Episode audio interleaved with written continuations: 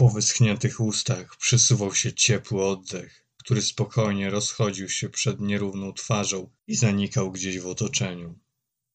Bezwarunkowy odruch sprowokował przełknięcie śliny, zamknięcie ust i mlaśnięcie było tylko następstwem. Kąciki warg skleiły się ze sobą za pośrednictwem odrobiny śliny.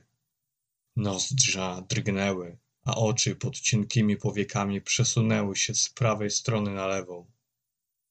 Blada cera powoli nabierała naturalnego koloru. Nagły trzask drzwi wybudził Luę. Jej oblicze, przez chwilę napięte, zdołało się rozluźnić. Mętne spojrzenie padło na otoczenie, w którym nigdy wcześniej nie była. Jednakowoż wydawało jej się dziwnie znajome. Niewielka izba z jasnego drewna, bogato umeblowana, wiszące na ścianie półki i zmyślne szafki, które nie zajmowały dużo miejsca. Zwróciła uwagę na mnogość książek. Na małym stoliku stał dzbanek. Podejrzewała, że znajduje się tam też posiłek.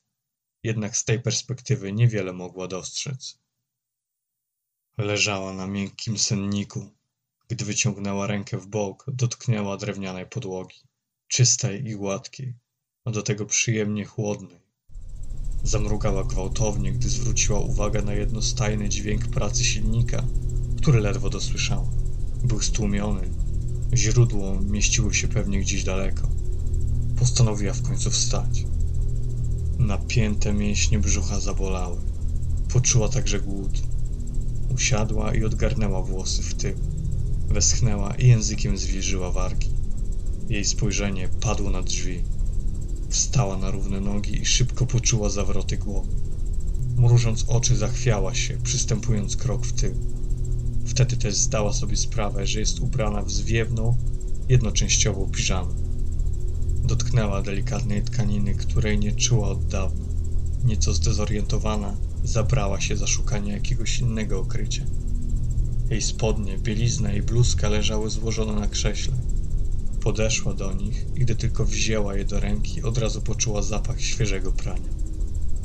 Raz jeszcze zerknęła na drzwi, po czym podeszła do nich. Przywierając niemal do drewnianej powierzchni, naparła metalową dłonią na klamkę. Wąska szpara pozwoliła jej rzucić okiem na pusty korytarz, który łagodnie zakręcał. Teraz pracę silnika słyszała wyraźnie. Wbijając spojrzenie gdzieś w przestrzeń, nasłuchiwała chwili zmarszczyło brwi, a potem lekki uśmiech wpełzł jej na twarz. Zamknęła wrota i ruszyła w stronę lnianej zasłony, która oddzielała pokój od niewielkiej wnęki z prysznicem. Po drodze zrzuciła z siebie cienki materiał, który z lekkością zsunął się ze szczupłego ciała i upadł na podłogę. Tuż przed wyjściem z izby zbliżyła się do sporego lustra stojącego na drewnianym stojaku i poprawiła wysychające włosy. Poczuła okłucie rozczarowania, gdy towarzysz nie zaszczycił jej swoją obecnością. Właściwie to się trochę zmartwiła. Zawsze był przy niej. Pośpiesznie wyszła odświeżona, odziana, napojona i najedzona. Niemal na wejściu spotkała wysoką kobietę w małych okularach, które trzymały się jej prostego nosa. Czarne, upięte w wysoki kok włosy połyskiwały w świetle słońca, który przedzierał się przez cienkie i łopoczące na wietrze warstwy materiału, usytuowanego gdzieniegdzie. Była ładna, ubrana schludnie w ciasną spódnicę do kolan, odsłaniającą szczupłe łydki i odpowiednio dopasowany gorset przepasany materiałowym pasem na wysokości pępka. Na tej wysokości wisiał umocowany zegar z rozłożystą tarczą w kształcie zębatki. Niczego sobie biust i ramiona skrywała pod białym kawałkiem materiału z koronką. Do tego skórzane cienkie rękawice bez palców i masywne gogle zwisające na dekolcie. Buty na wysokim obcasie. W ręku trzymała notatnik. Wreszcie się obudziłaś, panno Loasio. Poważna mina idealnie pasowała do służbistego tonu. Głos miała niski jak na kobietę, pewny siebie, nieznoszący sprzeciwu. Brązowe oczy badawczo przyglądały się białowłosej. Zaskoczona znajomością całego imienia, nie mogła przewidzieć, że instynktownie cofnie się o krok, wyciągając ręce do walki. Z początku odrobinę przestraszona, Teraz zdeterminowana do poznania prawdy, posłała wyższej od siebie harde spojrzenie. Skąd znasz moje imię? Tylko w ten sposób mogła odpowiedzieć. Oczekując na słowa nieznajomej, opuściła gardę, przesuwając na powrót jedną nogę do drugiej. Dopiero teraz zauważyła, że nie ma ze sobą broni. Pani Czberg czeka na pannę. Skwitowała czarnowłosa, krzyżując dłonie na wysokości pasa. Doskonale wiedziała, że ta odpowiedź wystarczy do rozwiania wszelkich wątpliwości. Mowa ciała Louis od razu zdradziła, że przeszedł ją promień podekscytowania. Przez moment nawet stała na samych palcach, uśmiechając się do siebie. Żwawym krokiem podeszła do kobiety, patrząc na nią z dołu. Rzekła zniecierpliwiona. Prowadź! Błękitne ślepia, wpatrzone w twarz Roberta Becka, niemal wcale się nie zamykały. Gdy to następowało, Lua czuła ukłucie pod powiekami. Dopiero po kilkunastu minutach zdała sobie sprawę, że przez cały ten czas głupi uśmiech nie schodził jej z twarzy. Nie mogła się napatrzeć na mężczyznę, którego tak dawno nie widziała. Tęskniła za nim. Często przed snem myślała, jak sobie radzi. Teraz siedziała przy stole naprzeciw niego, swojego przyrodniego brata. Luasia, czy ty mnie w ogóle słuchasz? Młody chłopak, mając nie więcej niż 16 lat, przechylił głowę w bok, mówiąc z udawaną pretensją w głosie. Jego twarz zdobiły łagodne rysy i dużo ciemniejsza karnacja niż u jego siostry. Nie miał też jasnych oczu i białych włosów. Był raczej ciemny, o hebanowych włosach i piwnych oczach. Miał na sobie bladożółtą, luźną koszulę, zakładaną przez głowę, znoszone spodnie z kilkoma łatami i grube buty o masywnej podeszwie i metalowym czubie. Całe ubranie nosiło na sobie ślady starych plam. Brud pod paznokciami zdradzał pracowitość. Właściwie nie tylko to. Wokół wielkiego pomieszczenia, w którym się znajdowali, mieściło się sporo urządzeń, wynalazków i niedużych maszyn skonstruowanych przez Roberta. Począwszy od tych ułatwiających codzienne życie, przez te niezbędne do pracy, po te zupełnie abstrakcyjne, jak lotnia z silnikiem wiatrowym. Tak, tak, ależ oczywiście. Wyjaśniałeś mi właśnie za pomocą którego urządzenia namierzyłeś towarzysza po drugiej stronie i tym samym nie znalazłeś. Odpowiedziała gestykulując przy tym żywo. Tutaj już zupełnie nie było słychać ryku silników. Zagłuszały je dźwięki innych machin, które pracowały wokół. Chodź, pokażę ci widok z mostka. Robert wpadł na pomysł. Wstał i wystawił rękę. Lua chwyciła go zdrową dłonią i dała się zaciągnąć do niskiego pomieszczenia, które znajdowało się piętro niżej. Przed nią rozpostarł się widok niekończącego się nieba, przyozdobionego rozłożystymi kumulusami, na którego tle nie dało się przeoczyć dolnej części wielkiego balonu. Nawet teraz, gdy widziała na własne oczy, jak lecą, nie była w stanie tego odczuć. Weszła głębiej, schodząc po ostatnich trzech stopniach. W środku pomieszczenia znajdowała się część załogi. Czterech mężczyzn, którzy nieustannie monitorowali pracę ogromnego sterowca. Siedząc przed bogatymi pulpitami, wydawali się mieć pełne ręce roboty. Generator, przekaźnik, wajchy, guziki, regulatory, drgające wskazówki ukryte za szybą, dzwoniące telefony i szum wzajemnej komunikacji. To wszystko wprawiało dziewczynę w zachwyt. Cudownie! Wypuściła powietrze z wrażenia. Robert przez moment nie był pewien, do czego odnosił się ten komentarz. Lua nie trzymała go długo w niepewności. Dziewczę z czułością przesunęło dłoń po obudowie urządzenia monitorującego gęstość gazu w balonach latającego statku. Jej oczy błyszczały. Młodzik nie widział już oznak zmęczenia wywołanego długą śpiączką. Już zacierał ręce, będąc przekonany, że kobieta zostanie na dłużej, by razem z nim stworzyć coś wyjątkowego. Miał jej coś ważnego do powiedzenia. Igła przebiła się przez skórę i zatopiła głęboko w mięsień ramienia. Nieprzyjemne doświadczenie rzuciło cień bólu na jasną twarz dziewczyny. Zacisnęła zęby, czując jak chemiczna substancja zostaje wstrzykiwana do mięśnia. Ciarki przeszły po jej ciele, aż drgnęła z zimna, które przeniknęło przez jej ciało w ułamku sekund.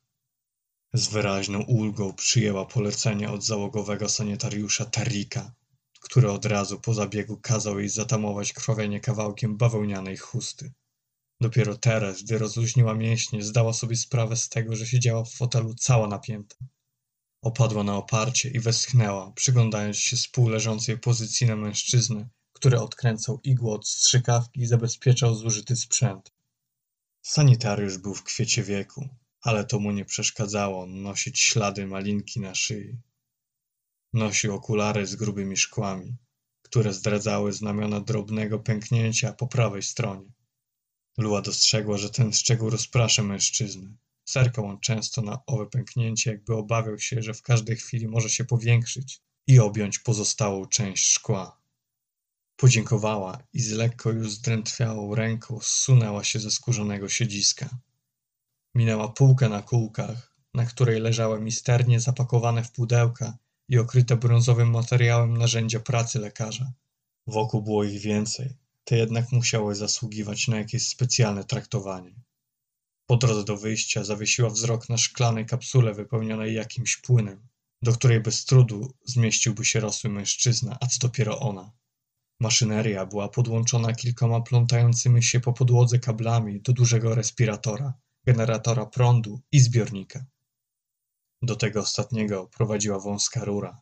Aparatura podtrzymująca życie prezentowała się dość imponująco. Do tego nie zauważyła na żadnej maszynie ani jednego grama kurzu. Wyglądało na to, że jest często używany. Ściągnęła brwi, nieco tym zaintrygowana, i wyszła. Nim dotarła do pracowni metalurgicznej, która znajdowała się na najniższym piętrze trójpoziomowego latającego olbrzyma, przestała już zupełnie czuć lewą rękę. Nie mogła nią ruszać, nawet poruszyć o milimetr mechanicznym palcem. Na miejscu miały już przygotowane wszystkie narzędzia, leżały na stole. Usiadła na wysokim krześle bez oparcia, ułożyła bezwładną kończynę i przekręciła metalową obręcz na nadgarstku. Mechanizm zaskoczył. Szum pracy drobnego silnika towarzyszył otwarciu piętnastu otworów.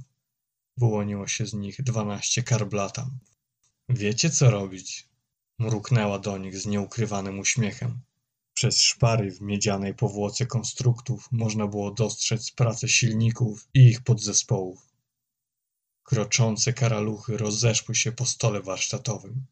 Jeden z nich obrał sobie za cel przełącznik lampy, który znajdował się niedaleko. Lua, nie czekając, sięgnęła ruchomego ramienia urządzenia, wsuwając metalową obręcz lampy i szkło powiększające w przestrzeń między swoją twarzą a mechaniczną kończyną. Fioletowy proszek, który swobodnie leżał we wnętrzu szklanej obręczy, został wzburzony słabym, acz rozległym wyładowaniem. Wiązki elektryczności rozeszły się po całej powierzchni, wyglądając przez moment niczym nagie, rozłożyste i liczne gałęzie drzewa. Poraziły chemiczny, sproszkowany roztwór, wywołując reakcję, która zaowocowała wytworzeniem energii cieplnej i jasnego światła. Karblatam spełnił swoje zadanie. Lua zerknęła przez powiększające szkło, przybliżając je do swojej ręki. Po stalowym blacie kolejne karaczany wspólnymi siłami przesunęły narzędzia, którymi kobieta miała operować. Sięgnęła po pierwszy z nich. Mały śrubokręt, za pomocą którego zabrała się za odkręcanie śrub przytwierdzających pancerz do szkieletu. Kilka ruchów na każdą z dwunastu śrubek i mogła dostać się do tytanowej blaszki, która okalała najważniejsze przewody na całej długości protezy. Odłożyła narzędzie tuż obok, by nie odwracać oczu od powiększającego szkła wiszącego przed jej oczami. Mali pomocnicy od razu zabrali się za odkładanie przedmiotu na miejsce. Druga grupa karaluchów podłożyła pod wyciągnięte palce inne narzędzie.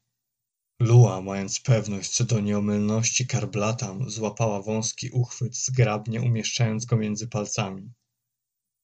Część operująca była cienka niczym kartka papieru. Dzięki temu mogła za jej pomocą delikatnie rozerwać przezroczystą błonę chroniącą przed mikrozanieczyszczeniami. Kilkoma skinięciami nadgarstka pozbyła się na wpół organicznej substancji, otwierając sobie dostęp do ośmiokątnego otworu zamka, umieszczonego na złączeniach tytanowej blachy. Po raz kolejny przyrząd zabrały kroczące mechanizmy. Podały również kolejny. Klucz ze specjalnym wejściem. Dopasowała go do otworu, po czym przekręciła i wysunęła dłoń. Metal puścił. Sprężyny nacisnęło od spodu i podwójna, niewielka klapa stanęła otworem.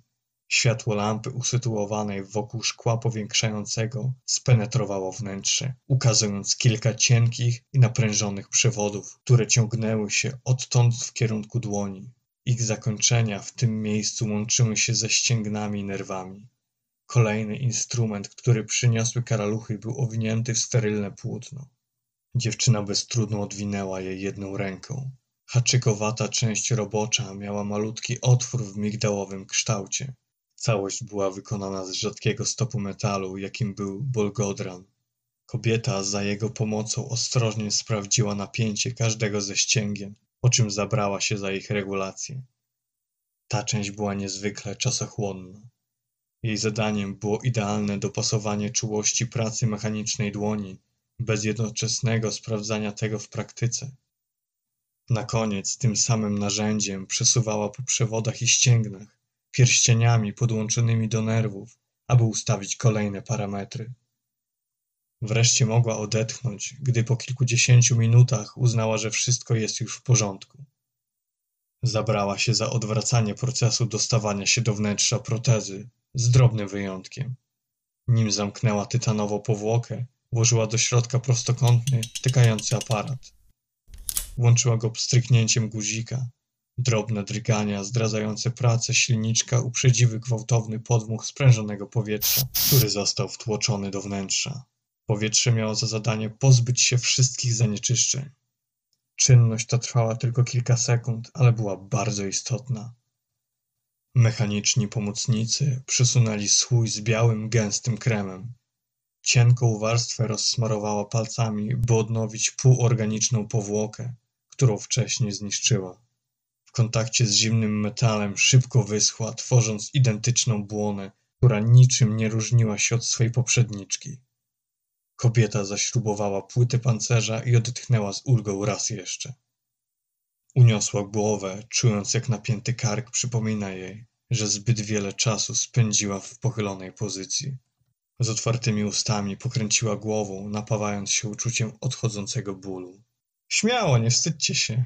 Zwróciła się do swoich tworów, które siłowały się właśnie z puszką pasty połyskowej i szczotką do polerowania. Cierpliwie czekała, aż kilka kolejnych metalowych owadów ruszy z pomocą i razem podstawiał jej przyrządy pod nos. Czyszczenie i polerowanie sztucznej ręki należało do czynności, które relaksowały Luę. Zatraciła się w tym, nim znów nie zaczęła odczuwać drętwienia, które było preludium do odzyskania czucia. Gdy leżałaś nieprzytomna przez te kilka dni, udało mi się porozumieć z towarzyszem. Oczywiście nie odezwał się ani słowem, ale udało mi się z niego wyciągnąć, że hydra prawie cię miała. Głos młodego Roberta był pewny i spokojny. Pasował do postawy, którą przyjął w tej rozmowie. Stał nachylony nad stołem, opierając się o blat dłońmi. Patrzył z góry na swoją siostrę lekko przymrużonymi oczami. Lua studiowała mapy, trzymając gruszkę w metalowej dłoni. Nie podniosła nawet wzroku na brata, przegryzając owoc. Językiem starała się pozbyć skórki, która ugrzęzła jej między zębami. Nie pytaj jak. Musiałem się sporo napocić, on nie jest skory do gadki. Czy kiedykolwiek się w ogóle odezwał? Zapytał, ściągając przy tym brwi. Zastanawiał się nad tym. Tajemnicza istota interesowała go jak mało co. Sięgnął po prostokątny przyrząd wielkości dłoni, uzbrojony w dwie warstwy przezroczystego materiału przypominającego szkło. Włączenie urządzenia odbywało się za pomocą przesunięcia niewielkiej dźwigni, która wprawiała w ruch wskazówkę poruszającą się po szklanym ekranie z góry na dół. Ciche bzyczenie wydostawało się ze środka. Cienka warstwa bladobiałego płynu przelewała się z góry na dół między szybami, nanosząc na obraz świeże spojrzenie. Robert nakierował instrument na siedzącą dziewczynę, która w końcu uraczyła go swoim spojrzeniem. Kontury jej ciała były zarysowane na ekranie. Rozmazywały się pod wpływem przepływu cieczy, ale utrzymywała kształt. Szczegóły były niewidoczne, ale bez trudu rozpoznałby ją nawet w tłumie. Za nią stała zwalista sylwetka. Robert uniósł aparat wykrywający obecność towarzysza tak, by móc objąć jego większą część. Tak, raz. Wtedy, gdy straciłem rękę. Lua odrzekła krótko, zawieszając spojrzenie na mechanicznych palcach, które poruszały się teraz bez zarzutów. Za ich pomocą odrobinę wgniotła miękką powierzchnię gruszki, by raz jeszcze przetestować dokładność, jaką uzyskała. Była usatysfakcjonowana. Młodzik, nie chcąc wracać do wydarzeń z przeszłości, postanowił zmienić temat. W tym celu wyłączył swoją zabawkę i umieścił ją w bocznej kieszeni spodni. Lekko kulejąc, podszedł do barku i otworzył go. W środku mieściło się sporo kawałków kartek zawiniętych w rulon lub mieszczących się w równo ułożonych stosach. Trzymał na nich część planów swoich mechanizmów, które zaprojektował, stworzył i odrzucił. Dokumentował porażki i sukcesy. Ze wszystkich rulonów wyciągnął jeden, na pozór niewyróżniający się w ogóle kawałek grubej kartki o sporym formacie. Rozwinął go na stole, przy którym siedziała Lua i bez słowa czekał na reakcję. Ta przyszła szybko. Kobieta już nie mogła się doczekać rozpoczęcia prac. Podejrzewała, że Robert nakreślił projekt czegoś nowego. Brakowało jej tworzenia. Odkąd wpadła na trop niejakiego Edmunda Całciężara, cały swój czas poświęciła na schwytanie go. Teraz, gdy do Terów mieli lecieć jeszcze przez dwa dni, pragnęła wykorzystać ten czas. Czy to jest to, o czym myślę? Zapytała wstając z krzesła. Położyła swoje smukłe palce na szorstkim papierze, podziwiając rysunek z szeroko otwartymi oczami. Gdy ty uganiałeś się za złodziejem, ja nie próżnowałem. Następnym razem nie będziesz musiała uciekać przed hydrą. Stawisz im czoła. Uśmiech satysfakcji zagościł na obliczu Roberta. Zatarł dłonie lekko mechanicznym odruchem, co odrobinę zdziwiło jego siostrę, która jednak była zbyt przejęta tym, co było na papierze.